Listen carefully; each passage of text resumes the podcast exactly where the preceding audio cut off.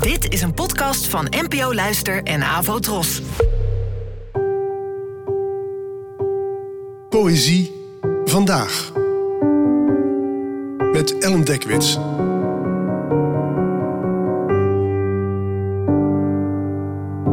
Hallo, fijn dat je luistert. Het gedicht van vandaag heet Slaat nergens op en werd geschreven door de Tsatsiks Afghaanse dichteres Nadia Anjuman, geboren in 1980 en gestorven in 2005.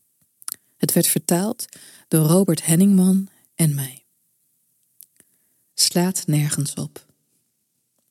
Muziek slaat nergens meer op. Waarom zou ik componeren? Of ik zing of zwijg, de tijd heeft me alsnog verlaten. Als woorden vergif zijn voor de tong, waarom dan proeven? Liederen smoren is de specialiteit van mijn misbruiker.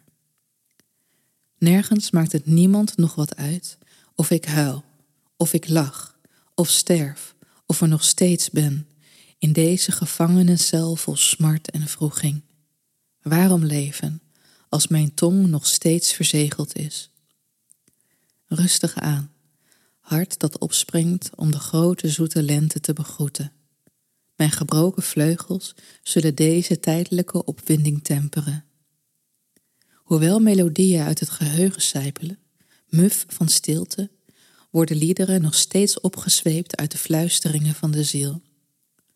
De gedachte aan de dag waarop ik de kooi zal breken, laat me neurien als een zorgeloze dronkenlap, tot ze zien dat ik niet een windtrillende wilg ben.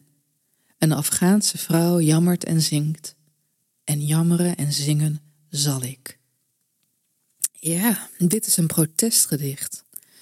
Nadia Anjuman, geboren in 1980, bezocht als opgroeiende tiener in Afghanistan onder de Taliban stiekem culturele bijeenkomsten waar, terwijl de gevestigde orde dacht dat het gewoon naailessen voor meisjes waren, ze lezingen over proza en poëzie bijwoonde.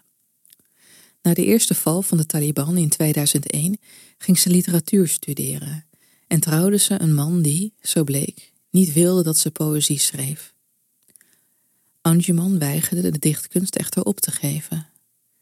Dit vers is een roep om vrijheid van iemand die weigert te zwijgen. Het is een onafhankelijkheidsverklaring, maar het is tegelijkertijd een enorm verdrietige nalatenschap van iemand die, nog voor ze 25 jaar oud was, door haar man werd doodgeslagen omdat ze volgens hem onvoldoende naar hem luisterde. En dat maakt deze tekst alleen nog maar meer beladen.